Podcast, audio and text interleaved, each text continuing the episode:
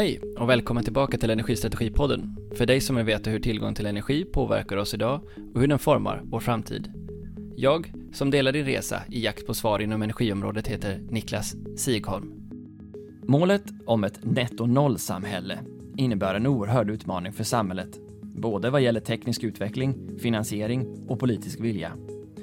Svante Axelsson leder från regeringskansliet Fossilfritt Sverige och han är satt med uppgiften att vara den kugge som skapar klarhet i vägen framåt. Nu är de 22 färdplanerna skrivna och ett flertal prioriterade förslag har lagts fram för regeringen. Hur snabbt kan förändringen då gå? Vilka är framgångsfaktorerna? Och vilka är riskerna? Häng med! Hej och välkommen till Energistrategipodden, eh, Svante Axelsson. Tack så mycket! Så fantastiskt roligt att ha dig här. Ja, kul. Det ska bli spännande att höra vad du har för frågor. Ja, det, det, det får vi se här. Ja. Eh, men vi tar utgångspunkten i, i dig och i din roll som ansvarig för Fossilfritt Sverige och de 22 olika färdplanerna. Eh, jag gör en karaktärsbedömning av dig som en, en eh, öppen, karismatisk eh, person som gillar att driva diskussion. Är det en ungefärlig uppfattning av dig? Mm. Ja, det tror jag. Driva diskussion tycker jag är kul och öppen hoppas jag är. Karismatisk kan man ju alltid undra om det är plus eller minus ibland, men klart jag är ganska känslo... Alltså jag har ganska mycket energi i det jag säger och det är det som uppfattas som något slags karismatiskt. Mm, det kan nog stämma, ja. Ja, Så, och då kommer naturligtvis frågan, varför du? Va- varför Svante på rollen som ledare för det fossilfria färdplanen för vårt land? Ja, det är ju, då, då har man ju alltid vet, eh, ganska snygga svar på sånt där. Det ska jag inte fråga mig om. Eh, det var ju Rosa Romson som drog igång det här fossilfritt Sverige-idén tror jag ändå. Nej, men alltså det är klart. Eh, om man ska försöka. Jag, jag, jag klart är man utåtriktad och ganska gillar och samverka och sådär så klart. Och lite miljörörelsebakgrund så eh, kanske finns det vissa meriter som, som jag förstår eh, kan locka lite. Men eh, rent krasst, var, var är din bakgrund från? Eh, ja, den är från eh, västkusten. Eh, I en familj med sex barn. En jordbrukarfamilj. Och sen har jag en ganska brokig historia. Men sen var jag faktiskt miljöekonom som var min, min identitet under lång tid. Så jag var med och startade upp den där utbildningen på SLU i Uppsala.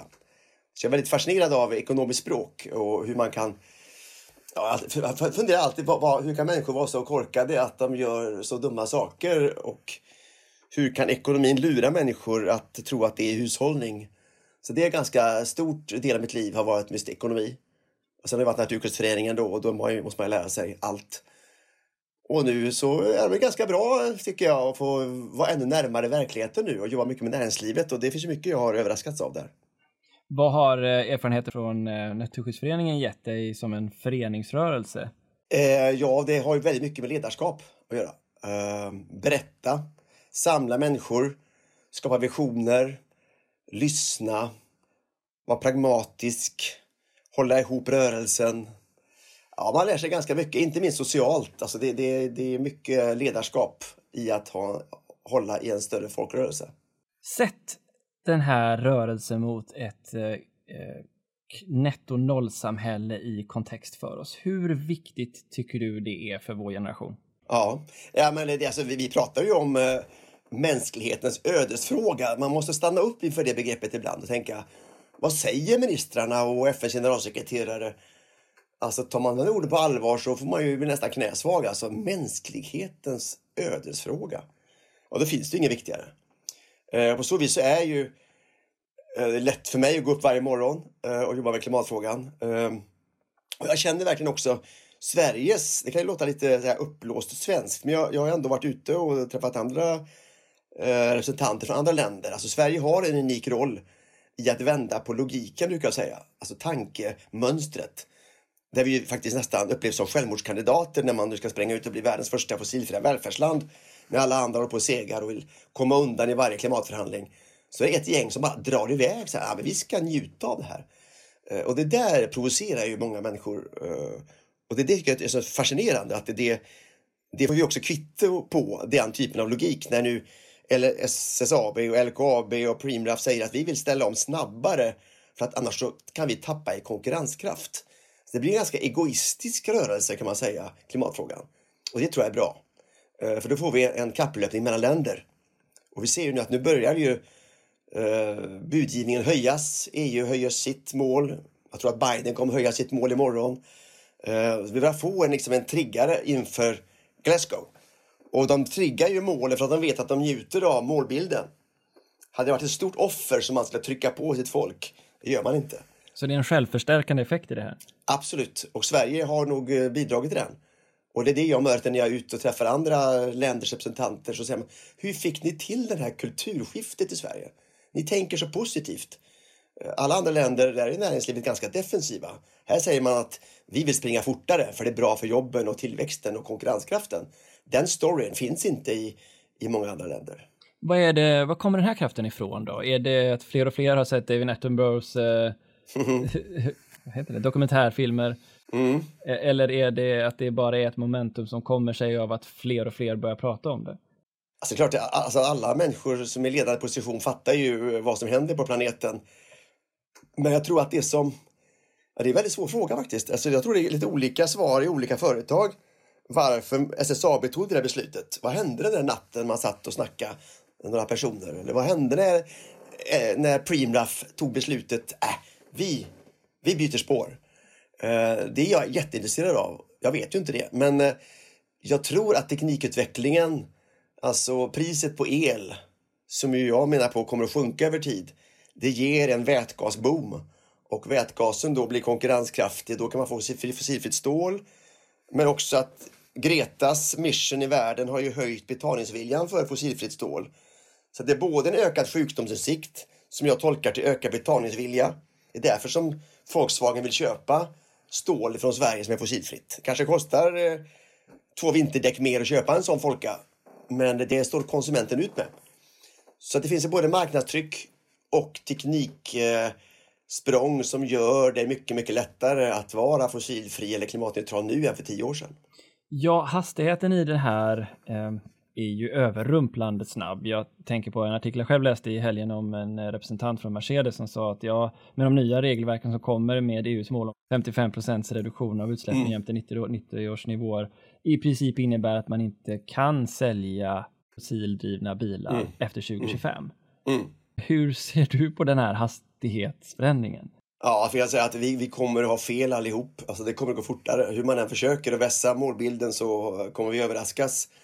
Um, vi har gjort det hela tiden. Om man tittar på vad vi trodde tidigare om elbilsutvecklingen så är vi ju långt, långt före den planen. Och vindkraftsutvecklingen och batteriutvecklingen och alla de här tekniksprången inklusive mobiltelefoner och annat så går det fortare. Um, så att när, när då Bil Sweden säger att 80 procent av alla nya bilar är elbilar som köps 2030. Då säger jag att de har fel. Det kommer att gå fortare. Eh, och det vet de nog om egentligen också. Eh, och sen tänker jag, det är ju spännande att se att Volvos VD som tidigare inte var så eh, pigg på elektrifiering säger ju nu att äh, men, förbjud förbränningsmotorer. Och det är ju att företagen kommer över en viss puckel där man känner att men nu är det här huvudprodukten. Då är det skitbra att döda alla kon konkurrenter. Vad ska, att, du, vad ska du dra till med då, för att överraska ja, Ja, jag, jag, alltså, den frågan sitter jag och funderar på. Jag kollade häromdagen, vi har kört fyra år i Fossilfritt Sverige. Och så hade vi ett möte om det och så tänkte jag måste liksom repetera, vad tänkte vi för fyra år sedan? Och så blev jag så chockad över liksom att då fanns ju inte SSAB, Fossilfritt Stål, inte Grön, Green Steel, vi hade inte batterifabriken, vi hade inte LKAB, vi hade inte Preemraff, vi hade inte Volvo-chefens uttalande. Det var ju liksom omöjligt att säga att jag skulle tro det att Volvochefen skulle säga förbjud förbränningsmotorer hade jag aldrig vågat gissa. Plus att utsläppshandeln då var ju nästan en flopp. Det var 4 öre per kilo CO2 och nu är det uppe i 48 öre per kilo CO2. Så att världen är så annorlunda nu bara på fyra år. Och så tittar jag och tänker, men Svante, kan du dra till med något fräckt? Eh, vad som kommer hända om fyra år till? Och jag blir nästan svarslös. Alltså, vad ska jag hitta på? Eh, för det mycket är ju redan på rull nu. Så jag har nästan svårt. Förr var det skitlätt att säga 100% det och 100% det och omställning dit och omställning hit. Men nu är det ju mycket av det där är ju allmängods. Men jag tänker så här, om man tittar tillbaka på fyra år sedan och det du drog till med då, det visade sig att det var alldeles i underkant, för du var inte tillräckligt optimistisk och ändå eh, kan jag tänka mig att du mötte många som var så här, men nu kommer Svante han till mig liksom. Eh, mm. Så att, det, så att det sjunger om det, för ja. det där kommer inte att ske. Det, finns det kvar sådana moment fortfarande upplever du, eller har det också förändrats? Nej, men det är klart, alltså, det är en svår roll att eh, ha positiva berättelser. Eh, man är mycket mer, eh, man tror mer på negativa berättelser. Alltså om jag, om jag kommer med kritik och säger att det är orealistiskt eller det, det kommer inte funka, då säger han verkar påläst. Eh, säger man då att eh, ah, jag tror vi kan fixa det här med, med fossilfritt stål och jag tror att vätgasen kommer att ha en stor roll även på lastbilstransporterna. Nej, alltså vad för, vad för grund för det där alltså? Så man måste vara fem gånger mer faktatät om man har roliga berättelser. Och jag är, inte opti- alltså jag är inte optimist i den meningen att jag tror att världen fixar det här lätt som en plätt. Jag är i grunden mycket, mycket, mycket orolig över planeten eh, och ledarskapet runt om i världen. Så att jag sitter inte och jublar utan jag ganska... Jag kanaliserar väl min, min oro och ångest i handling helt enkelt. Men eh, jag är ganska optimistisk när det gäller Sveriges förmåga att ställa om. Men det, det, är ett psykologiskt problem. Jag kan säga vi har tekniken, vi har ekonomin, men nu har vi inte mental, vi har men, mentala problem. Alltså vi, tror man inte att man kan hoppa 1,20 så hoppar man inte 1,20. Eh, och vi måste våga tro på en annan framtid. Ungefär som Nelson Mandela pratar om att vi kan skapa ett fritt Sydafrika. Alltså tror man inte på det så blir det inget nytt fritt Sydafrika. Så därför är den här storytellingen, berättelsen om hur vi ska kunna skapa ett bättre samhälle, det är en sån kraft i sig att den måste vara levande. För annars så finns det populisterna och rädslan finns bakom hörnet och alla människor är ju i grunden mer rädda för samhällsförändring än klimatförändring. Det är därför det går så trögt i världen. Så att eh, jag, även jag som anses vara hyfsat, jag brukar inte säga optimistisk, men, men framtidstroende. Eh, jag har haft fel. Jag är för defensiv. Det där var ju en, en bra brygga över då till det jobb som du satt att göra nu, att hitta den här handlingsplanen för Sverige och de 22 eh, delplanerna som finns för det. Men om vi tar utgångspunkten i det, den rapport som Klimatpolitiska rådet kom med, där de visade på att hastigheten i den här förändringen som bara är några enstaka procent är för långsam jämte den, den takt vi behöver hålla i genomsnitt för att nå målet 2045. Mm. Hur ser du på det och takten idag? Hur kommer det se ut? Nej, men det är rätt som de säger, alltså att det, det är inte tillräckligt högt tempo. Uh, man kan säga att liksom, jag tycker Sverige får gult ljus i tempo. Uh, men jag ser väl också att jag är lite mer åt grönt när jag tittar på investeringsplanerna. Vi kommer ju inte ha linjär utveckling av utsläppsminskningar. Vi kommer att ha enormt stora hopp. Jag menar 2026 så försvinner det kanske 2% av Sveriges utsläpp när Oxelösund går över till, till en, en en, en fossilfritt stål. Så att eh, investeringsflödena är ju intressantare än att göra en nybeskrivning. Och jag som bonde vet ju att sätter jag en potatis i maj så är det inte skörd i maj utan det är skörd i augusti. Och jag kollar mer på hur vi sätter potatis än hur skörden nu just nu ser ut. Så att eh, hela industriomställningen som nu genomförs i Sverige och de belopp som nu pumpas in är ändå hoppingivande att vi kommer att klara av 2045. Jag tror personligen vi kommer att klara av före 2045. Eh, och transportsektorn exploderar med elektrifieringen, den går inte att stoppa. Bränslebytet är på väg, reduktionsplikten. Det är redan i mål kan man säga, den utvecklingsresan.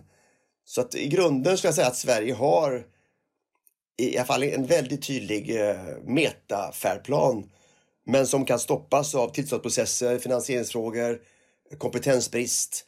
Det är tre exempel på flaskhalsar som, som kan göra att det blir sämre. Vad skulle du säga spontant är de viktigaste lärdomarna du drar med dig av den här första fasen av att ta fram de här 22 färdplanerna? Ja, det är en intressant fråga och jag, jag skulle, borde egentligen intervjua färdplansägarna om det. Men jag själv skulle säga är det som jag upplever som folk säger, det där har ni lyckats med tillsammans med branscherna. Det är mycket mindset-skiftet. Att vi fick en offensivare, positiv approach. Ibland brukar jag säga att näringslivet hade nästan som ryggmärgsreflex att vara nej-sägare och kräva globala uppgörelser, globala priser eh, och, och, Sverige kan inte göra någonting själv till att gått över till att bli en spontan ja-sägare och säga att jag vill, jag kan, vi ser affärer i detta. Men då måste politiken leverera A, B och C. Så att det där informella kontraktet som vi jobbar med, att om ingen börjar dansa så dansar ingen. Någon måste bjuda upp. Och politiken har egentligen bjudit upp med klimatlagen och därmed blev ju svaret eh, handlingsplanerna och färdplanerna. Och sen skickar man över bollen till viss del till politiken Vi måste ha de här besluten. Tillståndsprocesserna, eh, elplaner, vad det kan vara, eh, reduktionsplikter och elektrifiering och laddstrukturer, allt det där måste levereras och då kan vi också leverera vårt. Jag hade faktiskt en, associationsbana långt tillbaka i tiden som handlade om vita bussar som gick omkring i Europa när man sa nedrustningen i Europa. Det var ju kärnvapenhotet då. Och då var ju, tyckte jag, ett otroligt smarta koncept att man åkte runt i de vita bussarna och sa om alla andra skär ner sitt kärnvapenprogram, kan du också då tänka dig skära ner ditt kärnvapenprogram? Och fick man ju ja hos alla. Om bara alla andra gjorde så, så skulle jag också göra så. Och det hade jag i bakhuvudet lite när jag tänkte om du vågar säga så här mycket utsläppsminskningar, kan du då bidra på följande sätt? Så därför pratar vi mycket om tango, men också square dance. För nu är det upphandlarna, det är kommunerna, det är konsumenterna, det är staten, det är EU. Om alla dansar lite samma dans så kommer det här gå mycket, mycket fortare än vi har tänkt. Och det tycker jag nu mig se. Jag tycker dansen faktiskt är i, i, i de dansar på golvet nu. Fanns en sån idé när ni tog utgångspunkt och, och började med, eller i alla fall en av de första färdplanerna som handlade om just stålet? Nej, egentligen inte riktigt så. Det var mer nästan en efterkonstruktion kan man säga. Eh, men det var ju mycket fighter i början om varför ska jag skriva en färdplan för? Jag bara riskerar att jag blir blåst, att jag blir kölhalad om inte jag når min plan. Och då kom jag in mycket så att nej men du blir inte kölhalad. Om du visar ledarskap så får du också unga studenter till dig. Du får de unga människorna som vill jobba för en bättre planet. Eh, du tar ledarskap och du lägger problemet i rätt knä hos politikerna. Du är ju egentligen inte motståndare. Du är egentligen för. Men du uppfattas som negativ. Om du säger att du kan tänka dig om följande förutsättning ges, då ändrar du maktförskjutningen. Eh, Och jag tror att det var en del i att vissa vågade skriva en färdplan. Eh, för de kan alltid egentligen skylla på politiken någonstans eh, om det inte blir som det var tänkt. Och politiken jublar å sin sida, vilket är intressant. De är ju beroende av en stark lobbykör, inte bara miljörörelsen. Och nu har vi ju två körer, miljörörelsen och näringslivet, som vill öka tempot i klimatomställningen. Det är ju mumma att vara politiker i ett sådant samhälle. Då kan jag inte låta bli att sticka in den frågan eh, som handlar om politiken och politikens svar. Mycket av debatten kring energifrågorna då, och de är ju i centrum för de här eh, färdplanerna, eh, kretsar kring kärnkraften. Men mm. min fråga är egentligen, det, allt det andra, är, finns det opposition där? Eller, eh, eller är man ganska överens om att de här färdplanerna behöver göras? Hur ser det ut? Ja, färdplanerna är ju ganska överens om att de ska göras. Det, där finns det ingen större kritik mot dem, med att de kanske skulle kunna gå fortare fram i vissa fall. Eh, och elfrågan är ju den som alla snackar om, men jag tycker den debatten är lite märklig. Alltså jag tycker nog att det pågår en politisk teater om man ska vara ärlig. För att de som jobbar i, inom de här branscherna fokuserar ju på elledningar, flexibilitetsmarknader, eh, alltså leverera den el vi har till rätt plats i rätt tid. Elbrist finns det ju här och var. Eh, men vi har inte så mycket frihetsgrader egentligen. Alltså vi har den gamla kärnkraften, ligger kvar, puttar nog på lite längre än de flesta tror. Vi kommer att behöva ny kraft så småningom, framförallt i södra Sverige. Det blir nog havsbaserad vindkraft till mycket. Eh, och sen ska vi då få upp den här volymen. Vi ska inte exportera så mycket till Finland. Så vi, vi kan nog se att vi har en ganska... Vi ska planera för dubbelproduktion av el. Eh, och kärnkraften det kramar man ju för att man inte har något annat att säga ibland. Och man vet ju kanske att opinionen tror att kärnkraften behövs. Och då tror jag man frestas till att prata kärnkraft politiskt för det blir en blockskiljande fråga och då letar man efter det. Men eh, jag kan inte se att kärnkraften kan leverera så billig el som vätgassamhället kräver. Och om det kommer små reaktorer, fine. Men jag tror att de kommer efter att det fossila samhället, eller att samhället är redan fossilfritt då. Alltså det, det tar för lång tid. Vad ser du för tecken på vad gäller prisutvecklingen för vind och sol och andra tekniker på, som styrker det här då? Eh, att det är detta som slår igenom? Ja, men det är ju nästan varje dag man kan läsa eh, prisrekord. Det senaste jag läste nu var ju solel för 8 öre per kilowattimme. Tidigare var det Portugal som hade ledningen på cirka 13 öre. Och jag hör, jag har träffat australiensiska ambassaden och de vet de ska ju satsa på solel i öknarna i Australien, producera vätgas exportera ammoniaken. Eh, så att Sverige kommer inte vara det land som har det lägsta elpriset utan det kommer många solrika länder, inte minst öknarna, blir ju en, intressant plats att producera vätgas på. Um, nej, men alltså, varje dag så sjunker priserna på de här förnybara energislagen och därför blir det väldigt svårt för, för kärnkraften och därför kärnkraften är ganska lätt att lösa för även om man har en, en person som tycker om det och en som tycker inte om det så landar ju båda i att de ekonomiska argumenten gör att det faller. Uh, och det är ju fritt att bygga kärnkraft i Sverige men det är ingen som vill så att uh, jag, jag, jag upplever att de, de som är inne i branschen de, de, eh, de kan förse se att det kan komma en ny reaktorstyp. Det kan tänkas och jag säger inte absolut nej till det. Men politikerna vevar ju runt kärnkraftsfrågan eftersom människorna i samhället tror att kärnkraften behövs. Men eh, om man ska ta positioner här och säga till exempel kring vätgasen och att den ska bli eh, konkurrenskraftig och behöver ner under vet, under 10 kronor kilot och den mm. idag uppe på 40-50 kronor. Mm. Mm. Och man säger att ja, men det här är så långt ifrån lönsamt idag. Hur ska mm. det finnas marknadskrafter som utvecklar detta? Mm. Jag kan tänka mig att det är en vanlig eh, argumentation att möta. Hur resonerar du då när du möter den? Ordet heter lärkurvor. Titta på hur priserna sjunker med ökad skala. När vi hört första mobiltelefonen, första platt-tvn, första elbilen, första batteriet. Och de kan ju det här, de här företagsledarna. Harald Mix som nu startar en ny Green Steel-produktion. Han är ju väldigt medveten om lärkurvorna. Han vet ju att elektrolysörerna görs ju otroligt eh, ineffektivt. Om man skalar upp elektrolysörfabrikerna, ungefär som man skalar upp en fabrik batterier i Northvolt eh, style, så sjunker priserna. Så där finns det en enorm prissänkningspotential eftersom man vet att det är en omogen produktionsanläggning. Plus att eh, priset på energi faller. Och de i kombination gör ju att han ser ganska säkert när vätgasen, eh, grön vätgas är billigare än blå vätgas och när den är billigare än fossilgas. Och de är ganska säkra de här personerna. De har gjort det här med batteristory, det var ju samma sak. Eh, hur kan du tro på ett batteri som är så billigt? Men det visste ju de flesta som startade gigafabrikerna både i Teslas gäng och i Northvolt att de kommer ju få rätt.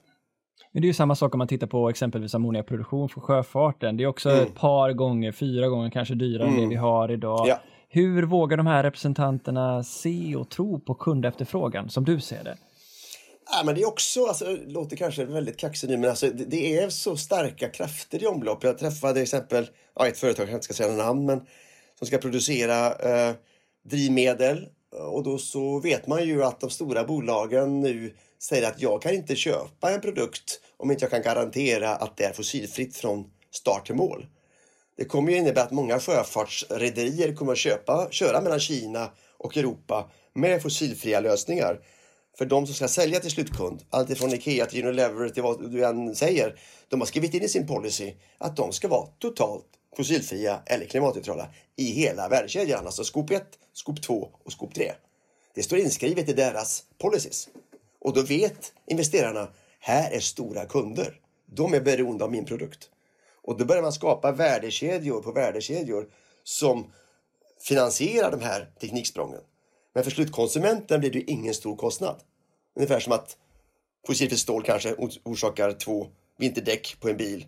Eller klimatneutralt hus, ja, 0,5 procent dyrare kåk. Alltså konsumentledet märker inte av fossilfriheten. Ja, för det var min nästa fråga. Kommer det här innebära att jag som konsument fram till 2045 själv måste göra stora förflyttningar? Nej, det, den vill jag få är inte så. Alltså, tittar du på vad kostnadsbilden ser ut.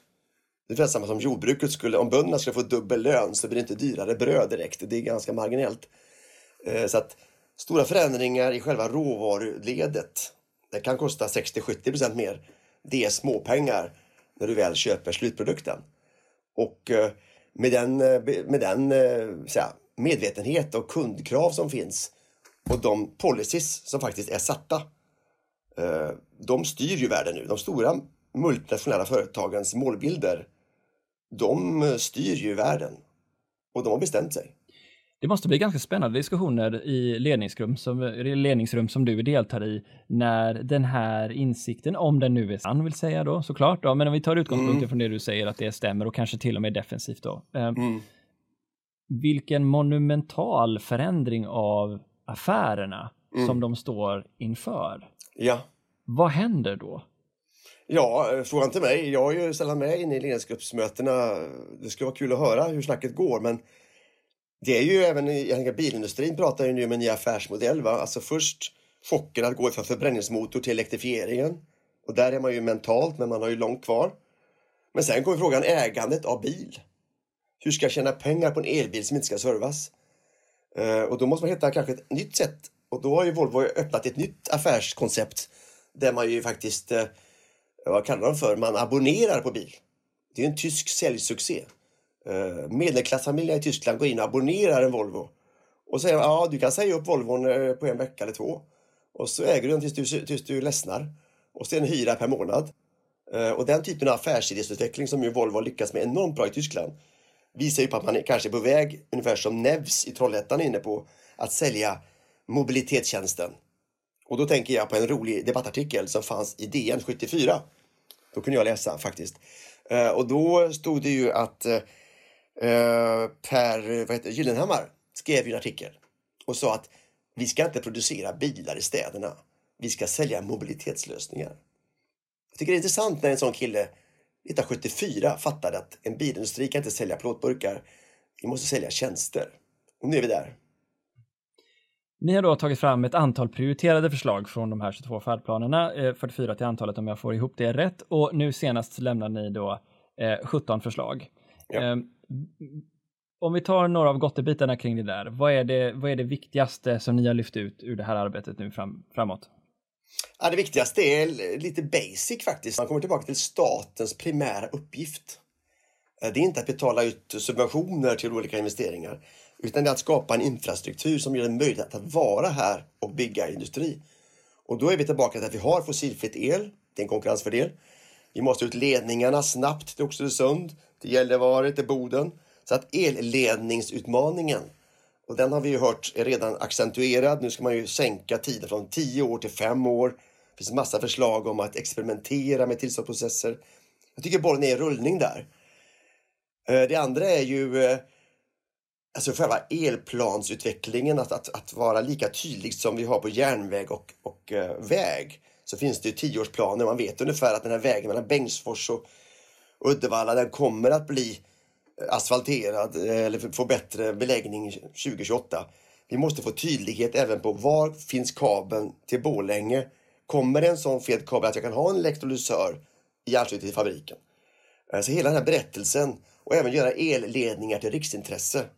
Inte bara väg och järnväg, för nu är det elledningarna som är industriutmaningen. Sen är utbildningen, alltså vi har jätteont om ingenjörer.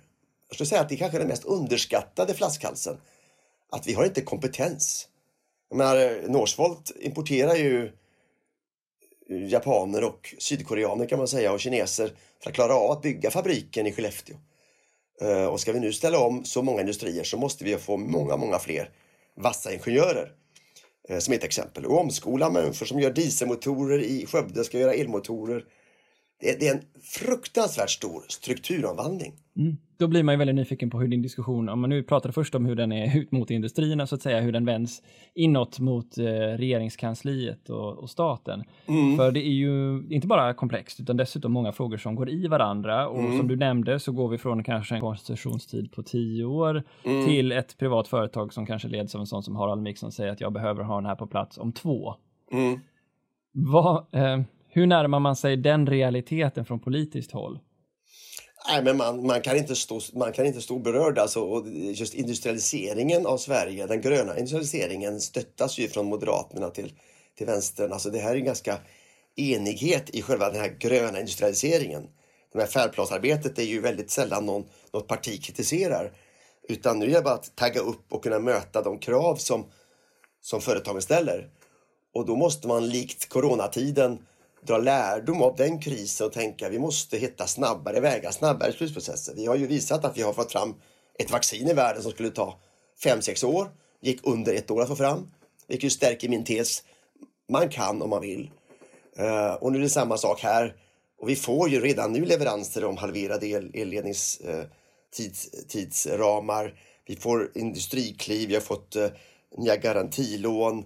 Jag tycker nog att politiken försöker hänga med. Um, Och eh, jag tror att enigheten för att faktiskt fixa det här är enormt stor och det här passar ju som hand i handske i, i en slags eh, kickstart-ekonomi som vi behöver göra efter corona. Så att coronakrisen har ju skapat en positiv bieffekt. Att så här mycket pengar som nu finns i Europa, det är ju nästan som Marshallhjälpsnivå. Precis i det ögonblicket världen behöver så mycket pengar. Ja, det är roligt du Svante, för du drar mig i nya riktningar hela tiden. Men då, då omformar jag det här, för då tänker jag på finansieringen och statens upproll, uppgift och roll som finansiär. Dels så tänker jag att det är en, en vansinnigt massa pengar som kommer behöva. Har du någon uppfattning om vad det är för typer av pengar vi behöver de närmaste tio mm. åren? Eh, och den andra delen är vad och hur bör, tycker du staten bör bidra med investeringar inför i gröna, grön omställning? Mm. Alltså fixar man eh, alltså, infrastrukturen, eh, lagstiftning och, och, el och eh, leverans av el, eh, utbildning, tillstånd, då har man gjort A-kursen rätt. Det är det viktigaste. Alltså LKAB ber inte om nya pengar. Jag har faktiskt ringt runt och snackat med ganska många företag och träffat dem. Vad är behovet? Och då ser man att statens uppgift är inte primärt att betala ut pengar utan att skapa marknader. Alltså om, om, om Trafikverket säger att vi ska bara köpa klimatneutrala vägar och järnvägar och broar 2030, då jublar Cementa och SSAB. För då har de en garanterad avsättning. Det är ingen idé att ge pengar till företag som inte har en marknad. Marknaden är det viktigaste. Att Preem bytte spår från fossil till mer bio, det berodde på en lagstiftning. Reduktionsplikt. Det blir tvångskonsumtion av diesel och biodiesel och biobensin kan man säga. Och det var ju det viktigaste beslutet. Det var ju inte dyrt för staten. Men det kostar lite på pump när vi, när vi handlar. Sen finns det ju ett antal instrument, men nu finns det ju, alltså jag kan ju rabbla eh, så många ord här nu så att eh, folk tröttnar. Alltså, eh, ta, ta, ta Industriklivet som är uppskattat av alla nu. Eh, klimatklivet är viktiga. De skapar vissa riskminimerande åtgärder. Vi har statliga garantier från Riksgälden som kommer nu i maj tror jag. Vi har Exportkreditnämnden som kan betala svenska. Jag skulle tycka att Sverige skulle ha också en, en grön investeringsbank som tyskar och engelsmän har. Som går in och också kanske fetköper, alltså i början, stora företags andelar och sen drar sig ur. Sen har vi ju på EU-nivå Innovationsfonden som till och med betalar driften om den är för, är för dyr. Vi har eh, Just Transition Fond, vi har Recovery Resilience Facility. Så det finns enormt mycket pengar. Så jag skulle nog slå ett slag för håll marknaden, alltså tvinga marknaden. Och där är ju EU så väldigt smarta med utsläppshandeln. Eh, och nu kommer ju också det här med regleringen av bilar. Så varför vi har så mycket elastbilar och elbilar runt hörnet, det beror ju på EU som sätter upp jättestora böter om du inte är smart nog. Och det där skapar det här teknikskiftet så vi kan konkurrera och bli bättre än alla andra som gör smartare produkter. Så att eh, pengar behövs, det finns ganska mycket. Eh, infrastrukturen är A och O. Eh, och sen politik skapar marknader. Mm. Och gärna förbjud, förbjud saker som Håkan Samuelsson säger. Det är ganska låg risk om man förbjuder konkurrenterna. Så det är, förstår jag, det här med att skapa eh, marknader eller förutsättningar som exempelvis att det finns laddstolpar på ställen där det kanske inte är lönsamt för det. Mm. Eh, och, men du verkar också vara inne då på att staten kan gå in och ta ren risk som en bank skulle göra då. Ja. Eh, med syfte då att satsa på många ägg, eller? Är ja. det det som är grejen? Ja, alltså staten är ju en stor borgenär kan man tänka sig. Det är ett väldigt billigt sätt. Ungefär som en förälder kan hålla många barn i handen så det är bara en som ramlar. Ehm, så det är inte så mycket, det är inte så mycket utgifter som man tror. Och eh, vi har ju statliga garantier på exporten. Det har inte kostat skattebetalarna en spänn. Eh, vi har, vi har krediter på biståndet. Eh, så att, att, att gå i borgen, det är att ge trygghet till investerare utan att behöva betala så jättemycket pengar. Och det tror jag är statens roll i en ganska känslig tid. Va? För att litet exportberoende land ömsar skinn och producerar dyrare saker i en öppen ekonomi med fri konkurrens det låter ganska läskigt. Och då behöver man ha lite, lite trygghetsmarginaler. och då är värdekedjan ett sånt sätt. Har man, har man värdekedjakompisar, då, då har man tryggheten. Alltså har Volkswagen sagt vi köper stålet, då är det lugnt att investera dyrt i borden. Så att värdekedjorna är en väldigt, väldigt bra riskfördelare och också vinstfördelare kan man säga. Hur ska man tänka regionalt då? För ta exempelvis Skåne då som skriker av effektbehov. Mm. Vi ser nu mm. i dagarna hur stora prisskillnaderna fortfarande ända in i mm. april är mellan de olika prisområdena. Mm. Vad tycker du statens roll bör vara? För annars så släpar ju Skåne efter i, mm. i de här typen av investeringar. Jag ska vara lite försiktig där för jag, jag kan ju inte Skånes situation exakt men eh, jag tror att det som på kort sikt måste till är ju flexibilitetsmarknader, vilket ju Uppsala och Skåne och många andra jobbar med. Det är ju så att liksom ska vi dansa på elmarknaden så kan ju inte bara producenterna hitta balans utan det är ju konsumenter och producenter. Och får man till en flexibilitetsmarknad så kan vi ju balansera mycket, mycket smartare och, och frigöra. Alltså det är ju topparna vill komma åt. Elmängden finns ju, men det är ju topparna, de speciella tiderna som man måste hyvla bort. Och där har vi ingen prismekanism egentligen för att så att dra sig undan när det är svindyrt och ligga på. Och därför är vätgassamhället så intressant, för vätgasen är ju ett dragspel på elmarknaden. Så ju mer vätgas vi får, ju mer kompisar får ju vindkraften. Mm. Uh, och det är de två ihop. Och de trivs ihop för att lågt elpris skapar vätgas och vätgas kan balansera höststormar. Uh, där får vi den här mixen av det hållbara energisystemet som jag tror, ja det tror jag är framtiden faktiskt. Men du då som har inblick både i liksom, det industriella behovet men också den politiska processen nu då. Och utifrån det här med marknadsdesign så har ju den här frågan som du problematiserar väl ändå diskuterats länge nu att det håller inte bara att ha en energy only marknad eftersom vi också mm. måste ha en prissättning på exempelvis flexibilitet då. Mm. Hur lång tid tror du det, det tar? Nu vet jag att du kommer säkert gissa defensivt då om man utgår från vad du sa mm. tidigare. Men, ja, det, men ja. hur lång tid tar det att förändra en sån design? Den har vi ju levt med ganska ja. länge nu. Ja och, och, kanske är en grundförutsättning för både för konkurrenskraften för energibranschen men också för mm. förutsättningen att skapa alla de här teknikerna du vill komma åt. Mm. Jag kan inte säga det, men jag vet ju redan att det har kommit igång ett antal flexibilitetsmarknader. Men här har vi liksom den här trögheten i, i lagstiftningen eh, som är så viktig att nu få till att vi kan tillåta nya affärsidéer. Eh, Svenska kraftnät kanske också skulle få chans att kunna sälja flexibilitet och inte bara bygga kablar. Man har ju begränsat egentligen Svenska kraftnäts eh, aktörsutrymme. Så att där är väl ett tryck, tycker jag, för det här som vi snackade om Kometutredningen som säger att nu måste vi våga göra dispenser. Vi måste lära oss att kunna bygga landet på ett nytt sätt. Men nöden är ju uppfinningens moder och eh, får, vi inte, får vi inte fram effekt i städerna som vi nu verkligen vill ska bli fossilfria, ja, men då, då blir det ju en, en, först, en högsta prioritetsfråga för politiken. Politiken har ju alltid mycket att göra, men vad som är de tre viktigaste frågorna för politiker.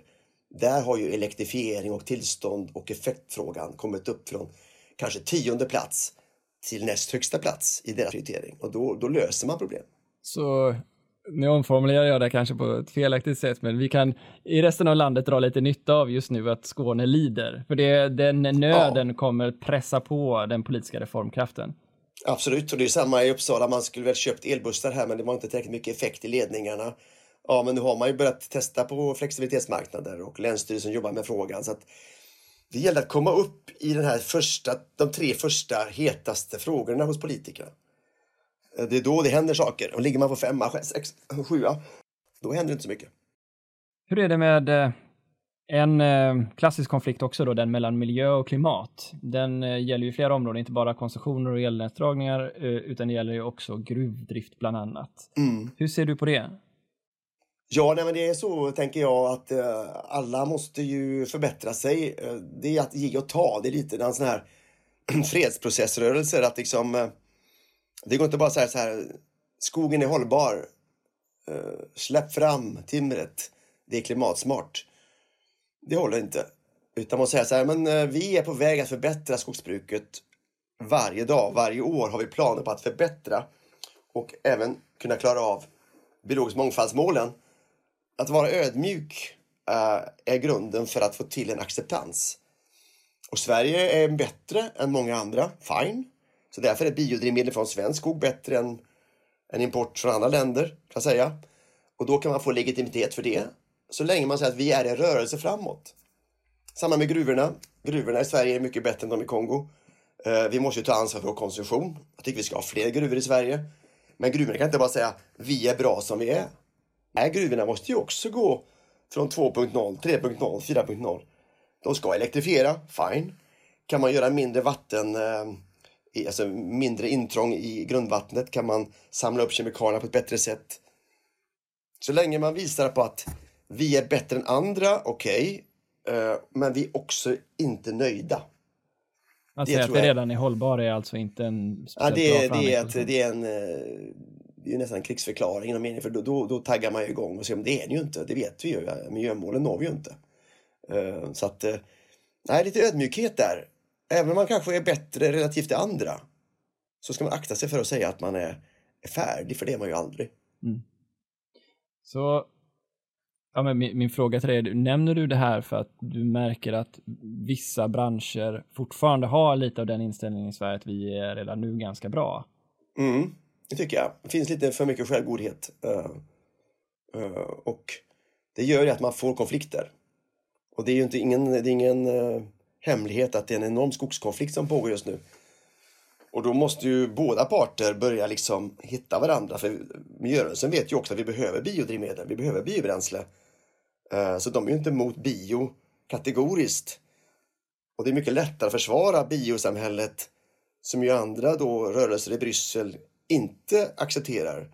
Om man har en part som svensk skogsindustri som säger ja, vi erkänner våra synder och vi ska ta oss bit för bit mot ökad hållbarhet. Ja, men då kan man få ett kontrakt mellan Eh, en slags miljörörelse och eh, skogsindustrin som, som hjälper varandra till att nå ännu mer hållbarhet. Gruvor samma sak. Klart vi måste, det är oansvarigt tycker jag att säga ja till elbilar i Sverige och inte vilja öppna någon gruva som har metaller. Vi måste ju ta samhällsansvar, men gruvorna har ju också en utvecklingsresa att gå.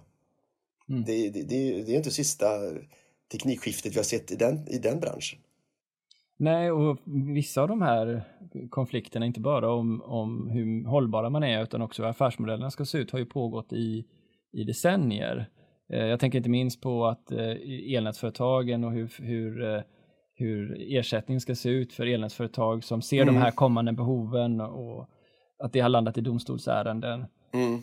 Det finns flera, tänker jag, branscher där det här kanske går igen. Är det det som är bland annat din roll att försöka mejsla i det här eller hur ser det ut?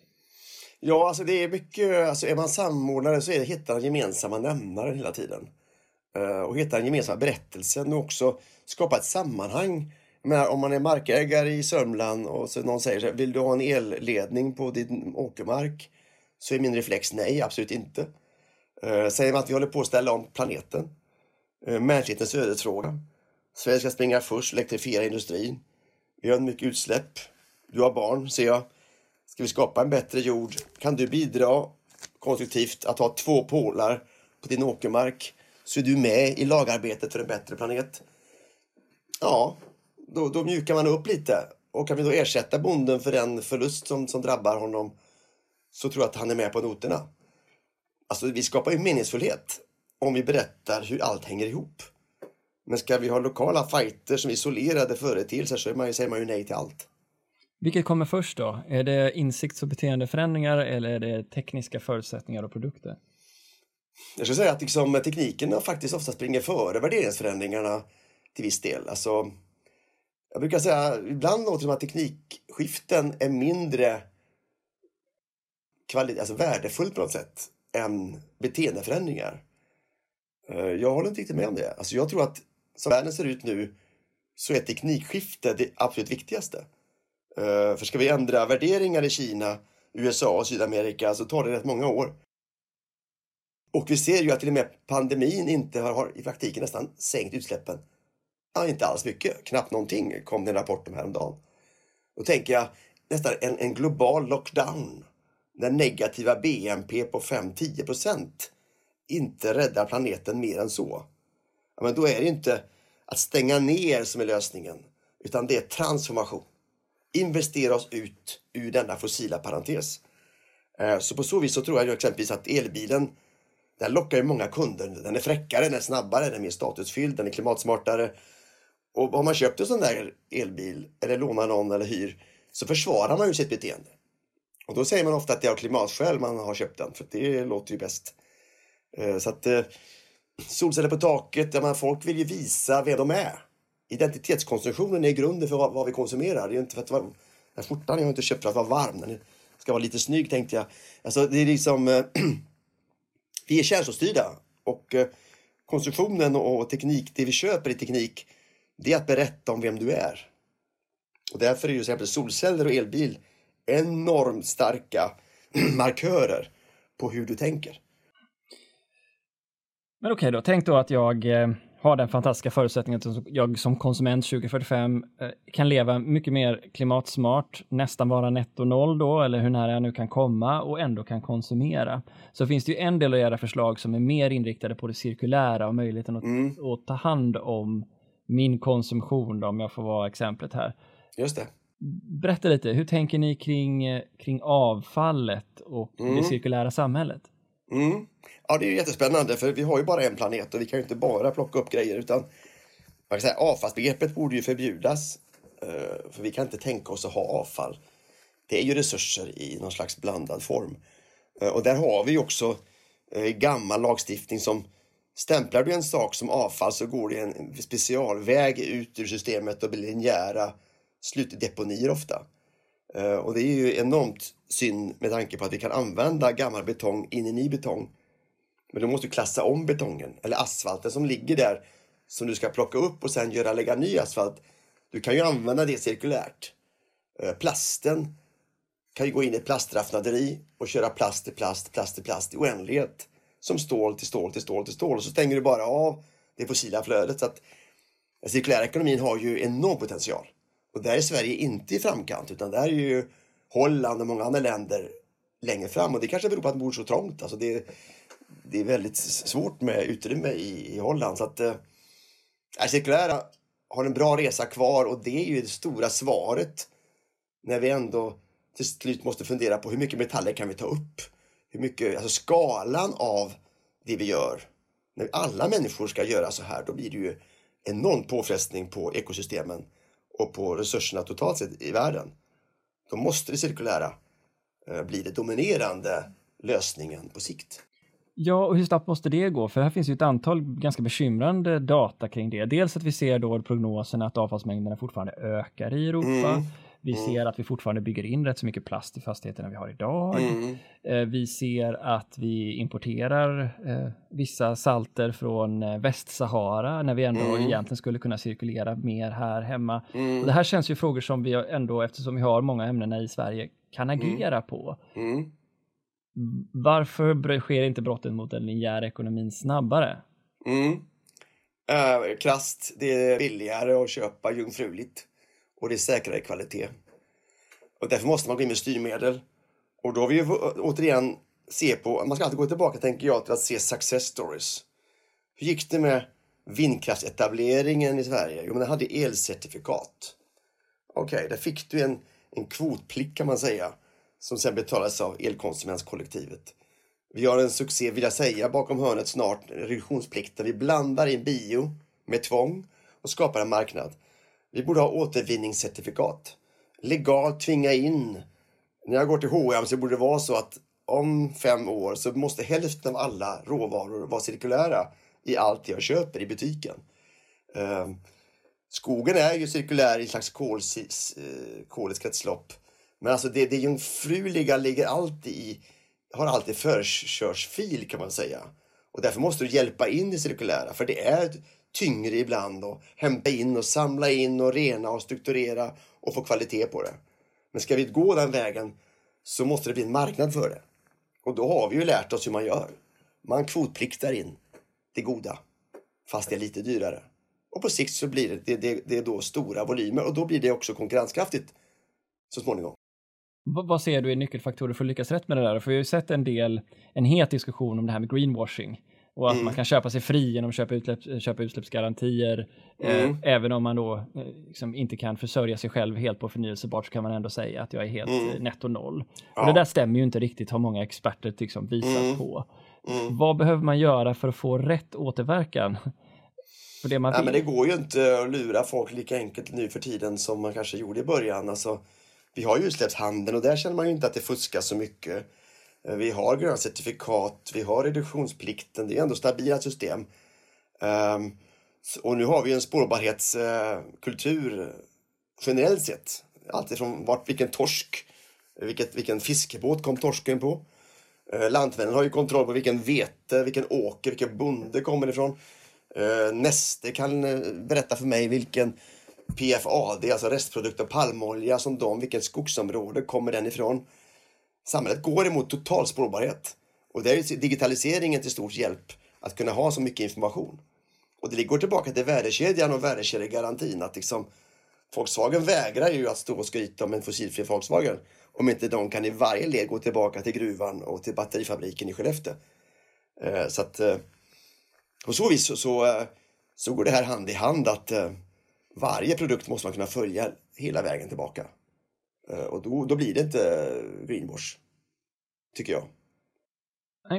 En eh, fråga som ni har med som jag inte vet hur mycket som döljer sig bakom men som är intressant eftersom eh, man kan fundera mycket på det här med design och det är den om ekodesign och hur vi gör saker och ting mer klokt kan man väl säga. Mm, precis. Vad ser du inom det området och hur tror du det kommer utvecklas?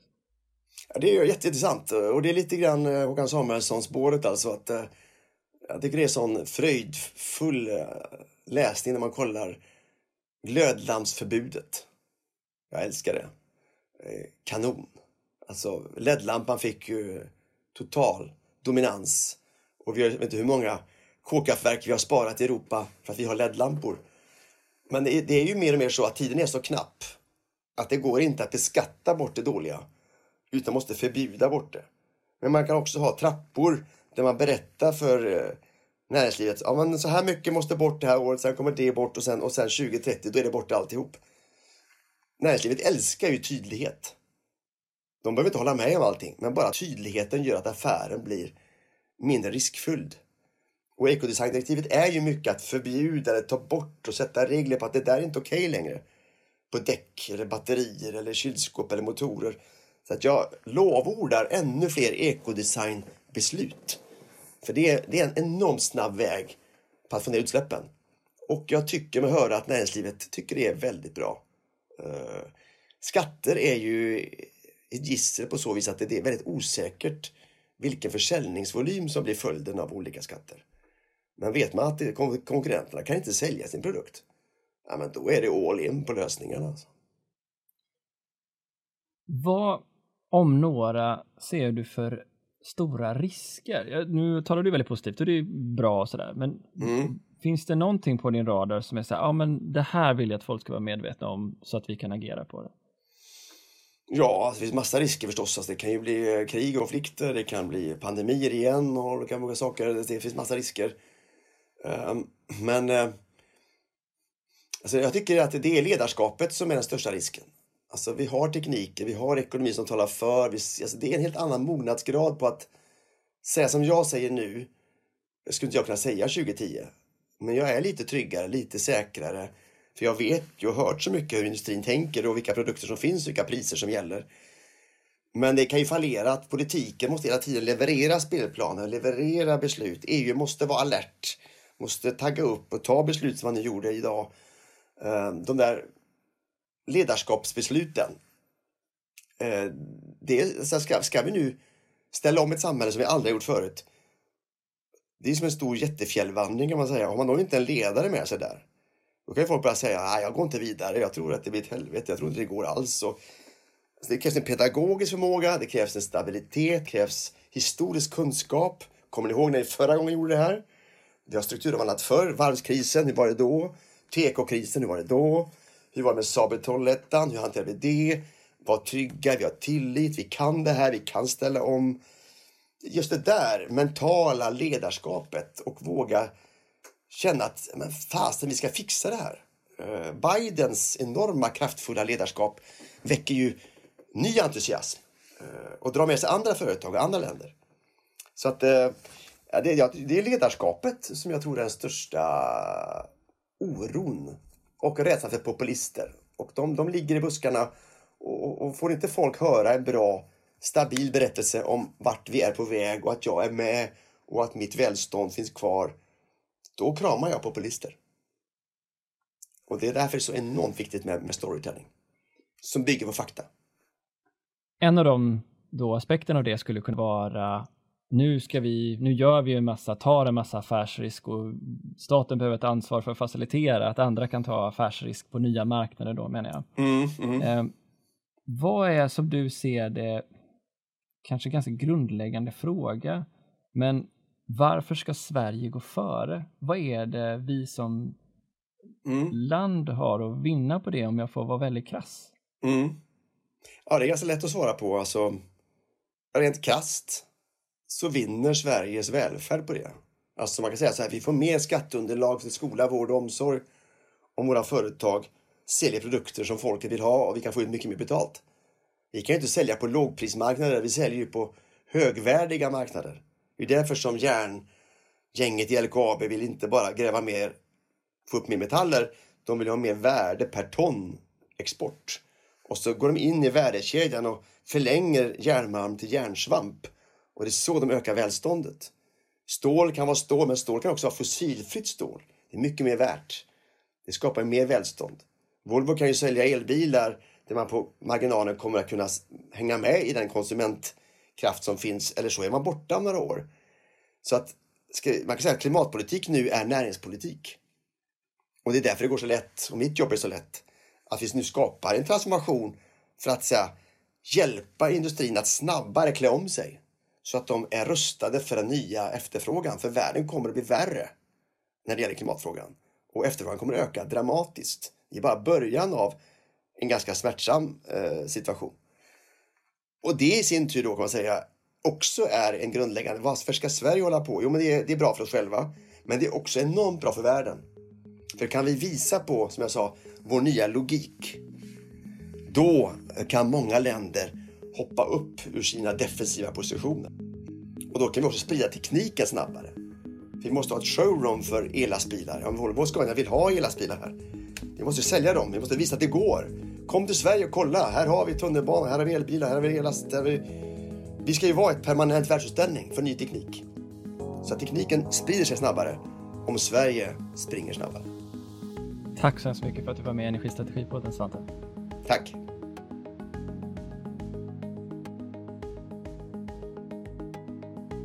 EU-parlamentets påverkan på energimarknaden är stor. Taxonomin, förnyelsebartdirektivet och en rad andra policies påverkar alla förutsättningarna här. Centerpartisten Emma Weissner efterträder Fredrik Federleys arbete med att påverka detta.